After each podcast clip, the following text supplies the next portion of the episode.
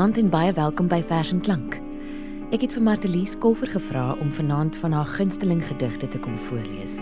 En sy kom toe by my aan en sê: "Ag sussie, toe die eerste paar alreeds net van Elisabeth Eybers is, het ek maar opgegee.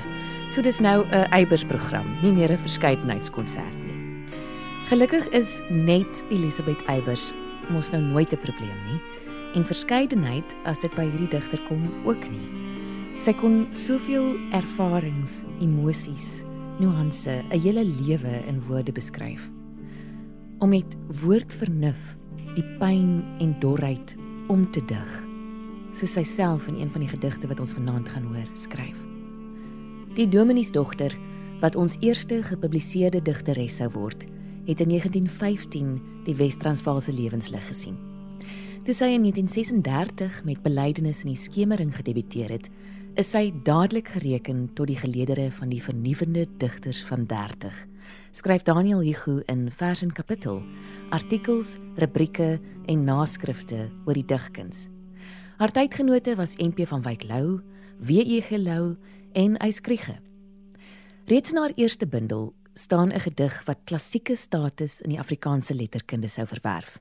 Maria, wat sy 3 jaar tevore as 18-jarige geskryf het. Om die moeder van Jesus 'n nooi uit Nasaret te noem, was 'n briljante fonds en destyds miskien selfs 'n bietjie gewaagd, skryf hy goed. En dit het die opperman moontlik geïnspireer en die moed gegee om 20 jaar later in sy gedig Kersliedjie van Jesus as God se klong te praat. In die bundels wat op haar debuut volg, skryf sy onvergeetlike verse oor swangerskap en moederskap haar uitspraak dat daar tussen moeder en kind altyd 'n onsigbare naaldstring sal bestaan wat nie kan breek nie, het al 'n spreekwoord in Afrikaans geword. Kom ons luister nou na 'n ander klassieke gedig oor vrou wees. Portret van 'n vrou. En dit het oorspronklik verskyn in die bundel Die stil avontuur van 1939. Portret van 'n vrou. Die lewe het haar arm van gees gemaak omdat sy met haar liggaam hom moet dien. En niemand het so sy naby en naak sy wrede wispelturigheid gesien.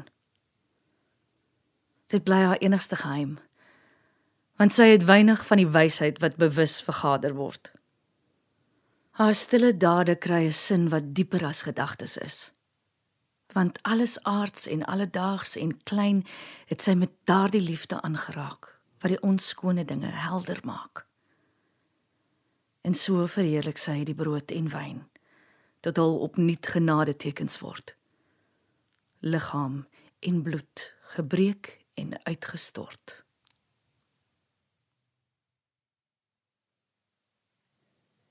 Die volgende gedig wat Matelies Kolfer gekies het, kom uit die bundel Die ander dors van 1946 en Eybers noem dit krisis.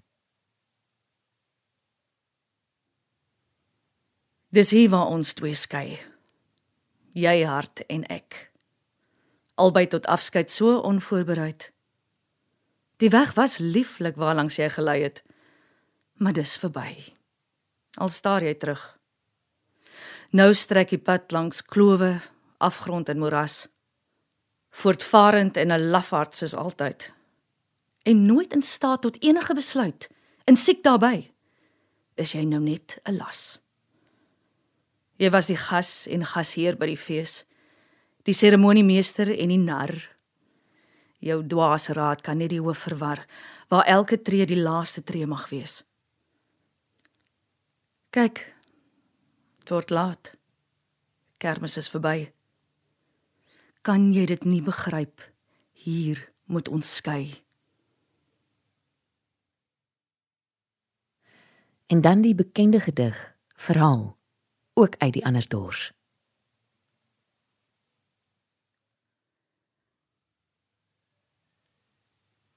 Verhaal. 'n vrou het stil geword van baie wag. Die aarde het gegly deur die spiraal van dag na dag was beurtelings groen en vaal en sy het soms gehuil en soms gelag. Ook was sy dikwels wakker in die nag. Maar sy het in haar woning en op straat gewoon gehandel en gewoon gepraat. En niemand het geweet hoe dat sy wag. Verlange word aanvaarding langsaam aan. Want wag is beurtelings hoop en wanhoop tot die twee versmelt en stilte alleen bestaan. En deur die jare het sy self die slot van die verhaal geword. Haar stilte en krag was skoner as die ding waarop sy wag.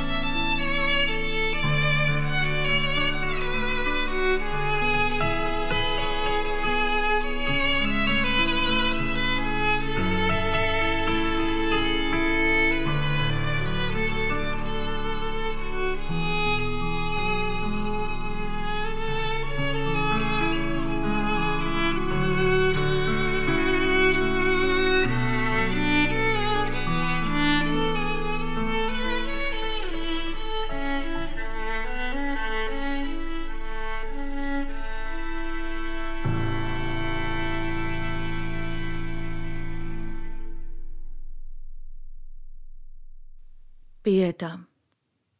By die beeld van Michelangelo in die Sint Petruskerk Rome. Hy's weer waar hy hoort, haar eerste seun. Die spanninglose liggaam weeg nog warm. Die vreemd volwasse hoof hang oor haar arm. Sy beer haar regterknie om hom te steun. Nou kan sy hom sorgvuldiger beskou. Die fyn oval van haar gelaat word weer jonk en verwonderd, soos die eerste keer. So sal sy hom 'n leeftyd lank behou. En weer gewaar sy. Elke groot pyn bring die stilte pyloos van versadiging.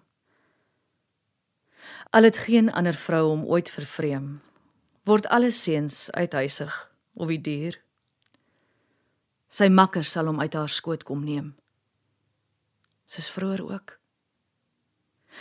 Maar nou is dit nog haar uur. Dit was dan die vers Pieta uit die bundel Neerslag van 1958. Daniel Hugo, wat op die dag 40 jaar na Elisabeth Eybers gebore is en self 'n predikantskind is, skryf: Al kon Eybers nie soos haar vader glo nie, het sy groot waardering vir hom gehad. In die volgende gedig waarna ons gaan luister, beskou sy haar vader se lewensfilosofie as 'n romantiese ideaal. Tog is sy dankbaar dat sy die ontasbare droom van hom geërf het. Hy was 'n dienaar van die woord met 'n hoofletter en sy van die woord met 'n klein letter. Albei vereis 'n sekere wêreldwarse argeloosheid. Oorsig uit die bundel Balans van 1962. Van kindsbeen af het ek die boosheid van die vlees geraai. So wêreldwars en argeloos het vader dit versmaai. En moeder was 'n donker vrou met 'n stilet skerp gees van onverzoenbaarhede sou ek later nooit genees. My pastorale vader wis haar fyn hoe alles hoort, ten elke ydelheid en lus gewapen met die woord. En moeder het gefit, gevra, geluister en gelees. Sy kon soveel verdriet verdra, so ondeemoedig wees. Van haar het ek die snelle drif, die onrus en die skroom. Van hom die vreemde teëgif van 'n ontasbare droom. Deur brakkerige dieptes kon my wortel weerbaar dring. Ook ek haal uit mystieke bron my soet versadiging. 'n Liefde wat geen lessing ken. Niks ledig of sondeer, maar eensaamheid en hinkering verruklik raffineer. Met aftreksels van skaduwee moet ek my daagliks voed. My vader was die dominee. My moeder vlees en bloed. En dan nog 'n vir my verbuisterende vers uit die bundel Balans is die volgende. Taalles. Die eerste rededele wat mens leer voor 3 jaar oud is lewenslank genoeg om die akuutste nood te formuleer. Soos ek het honger. Hou van jou. Is moeg. Plots uit die soet ontmoeting weggeruk, het hulle 'n nuwe saamkomplek ontdek om oor en oor onnosel van geluk toereikend te verduidelik. Jy en ek 'n maand daarna, want tyd bring raad, hanteer hulle moeiteloos die diggeweefde sin. Die voegwoorde van kunstige verweer soos daarenteen ondanks desnietemin.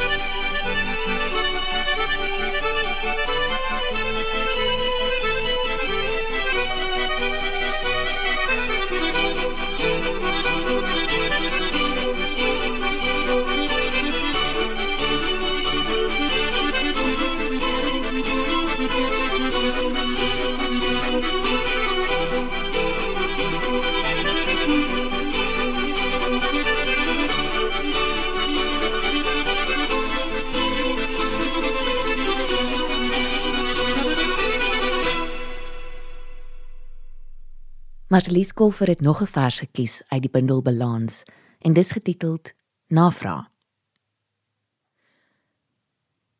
Die aard van angs is dat dit tydelik kwel. Verdriet, volgens 'n ou belade, duur 12 maande en 'n dag tot op 'n uur. Die ritueel van rou is vasgestel. Vreemd. Van berou word nie soveel vertel. Waar vind mense 'n betroubare gedig om jou oor die vervaldag in te lig van daardie individuele hel? As 'n uitsonderlike edelsmid van die woord, om weer Daniel Hugo se bewoording te gebruik, het Elisabeth Eybers ook talle gedigte geskryf waarin sy oor haar ambag besin. In die gedig Poesie sê sy: "Van volgbare resep geen sweem. Tog word dit so en nie anders nie. Gestook uit pyn en afstand neem, uit liefde en ironie. Die slotreël ekho van Wyk Lou se uitspraak in Groot Ode. Eintlik moet ons leer ironies lewe en binne ironie nog liefde hou. Kom ons luister vervolgens na die bekende digteres as huisvrou uit die bundel Einder van 1977. Digteres as huisvrou. Altyd 'n besem iewers teen 'n muur, maaltye nooit op die gepaste uur. Agendalose dae waardeur sy leeg, hardnekkig en skaars doelbewus beweeg. Stryk goed wat moedeloos oor 'n stoelrug hang gebare sonder afloop of aanvang. Ou briewe onbeantwoord, te mekaar.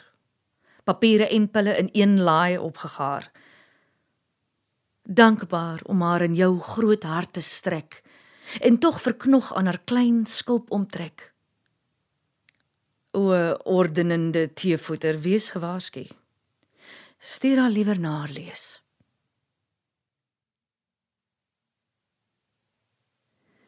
Ek het aan die begin van die program gesê dis 'n Eybers vers en klank wat dit is. Maar Martelies gaan een vers lees wat nie deur Eybers is nie, maar tog oor haar. Ons grootste digteres, soos Antjie Krog haar noem in die volgende gedig. Weereens deur Antjie Krog om seker baie voor die hand liggende redes. Ek kom weer eens nie uit met my budget nie. Die suiker en die melkkoupons is op. Langs my masjien lê stapels stikkende klere, spinnekoppe weef makrame teen die mure. My gesin grawe in leë koekblikke na iets om te eet. My baba het brandboutjies. My dogtertjie swere. My oudste hakkel van een of ander tekort.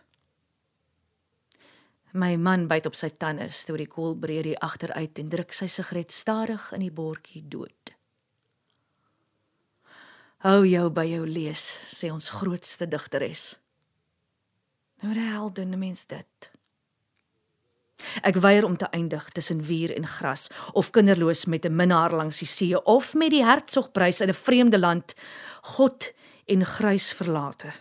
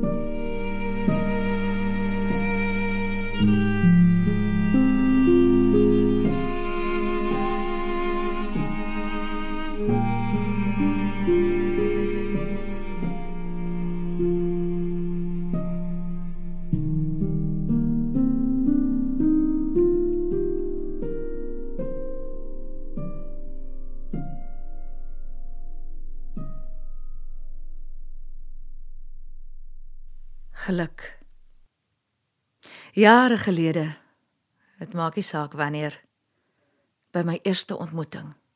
Dit maak nie saak met wie. Het ons mekaar op 'n tydstip los van tyd stip aangekyk. Gekyk. Soms flits dit weer in my bewussyn terug. Verblindend skerp, 'n pyl van louter lig. Bewys en waarborg.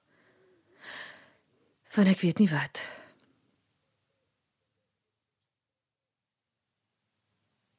Dit was dan die gedig Geluk uit Bestand van 1982, voorgeles deur Martelies Kolfer. Ons het aan die einde van die program gekom en Martelies gaan een laaste vers deur Elisabeth Eybers wat in 2007 oorlede is, lees. Sy noem dit Woordeloos en dit kom uit die bundel Bestand van 1982. Terwyl die waarheid klaarder skyn, sal die getuie ons nerfkaal stroop. Afsigtelikheid kom reeds in sig. Al wat ek vra, al wat ek hoop, is om wanneer my brein te foos word om met woord vernuf die pyn en dorheid om te dig, dit te verdra. Hoe ook al. Woordeloos.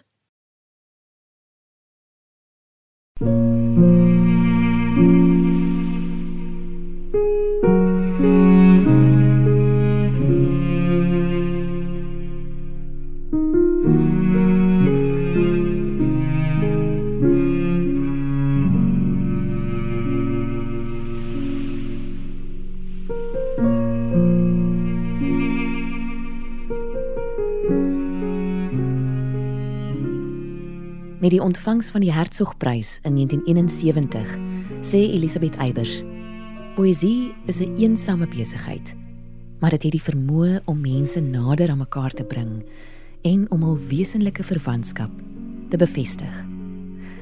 Mag dit so wees en so aanhou wees en mag ons program ook aanhou om hierdie eensame besigheid waarmee digters hulle bemoei nader aan mense te bring om ons wesenlike verwantskap te bevestig.